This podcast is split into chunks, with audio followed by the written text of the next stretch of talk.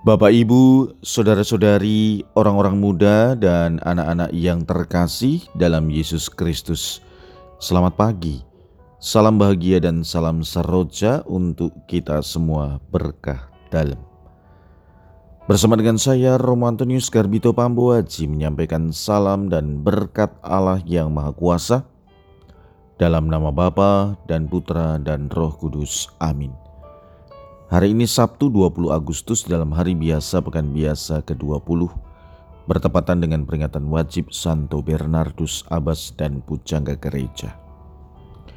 Bacaan pertama dalam liturgi hari ini diambil dari Nubuat Yehezkiel bab 43 ayat 1 sampai dengan 7a. Bacaan Injil diambil dari Injil Matius bab 23 ayat 1 sampai dengan 12.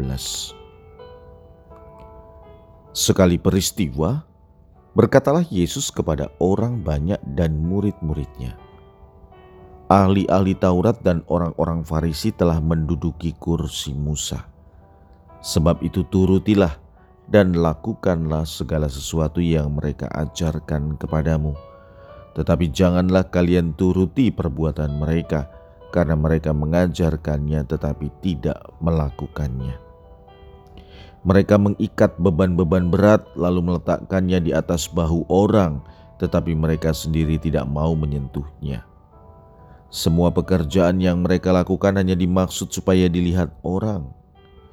Mereka memakai tali sembahyang yang lebar dan jubah yang panjang. Mereka suka duduk di tempat terhormat dalam perjamuan dan di tempat terdepan di rumah ibadat.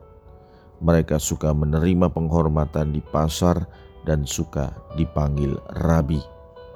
Tetapi kalian janganlah kamu disebut rabi, karena hanya satulah rabimu, dan kalian semua adalah saudara.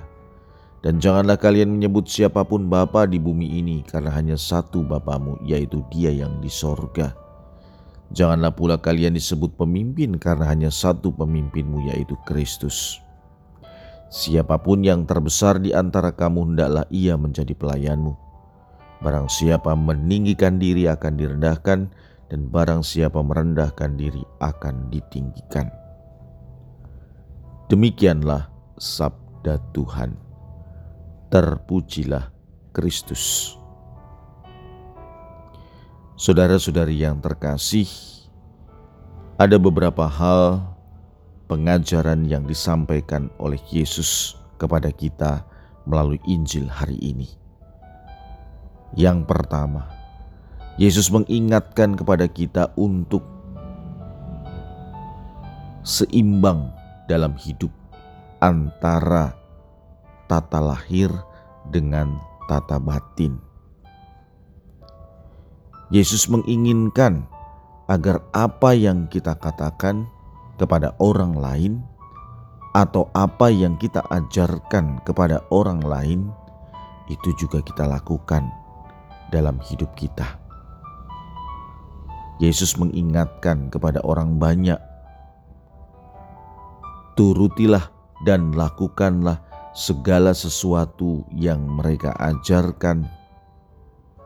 Itu artinya Yesus ingin agar hidup kita seimbang antara apa yang keluar dalam kata-kata harus diwujudkan dalam tindakan. Hal yang kedua yang diajarkan oleh Tuhan Yesus adalah hendaknya dalam hidup ini kita tidak mencari pujian, tetapi apa yang kita lakukan tulus, ikhlas, dan tidak mencari pujian. Segala perbuatan baik yang kita lakukan bukan untuk nama besar kita, tetapi untuk kemuliaan Tuhan. Yang ketiga, Yesus ingin agar kita saling melayani. Yesus ingin agar kita menjadi besar di sorga dengan menjadi pelayan di dunia ini. Barang siapa meninggikan diri akan direndahkan, dan barang siapa merendahkan diri akan ditinggikan. Marilah, saudara-saudari yang terkasih, kita hidup saling melayani saling membantu, karena dengan demikian kita akan menjadi orang rendah hati. Marilah kita berdoa. Ya Tuhan, semoga hidup kami hari demi hari semakin sempurna di hadapan-Mu dan Kau layakkan untuk hidup bahagia bersamamu. Berkat Allah yang Maha Kuasa dalam nama Bapa dan Putra dan Roh Kudus. Amin.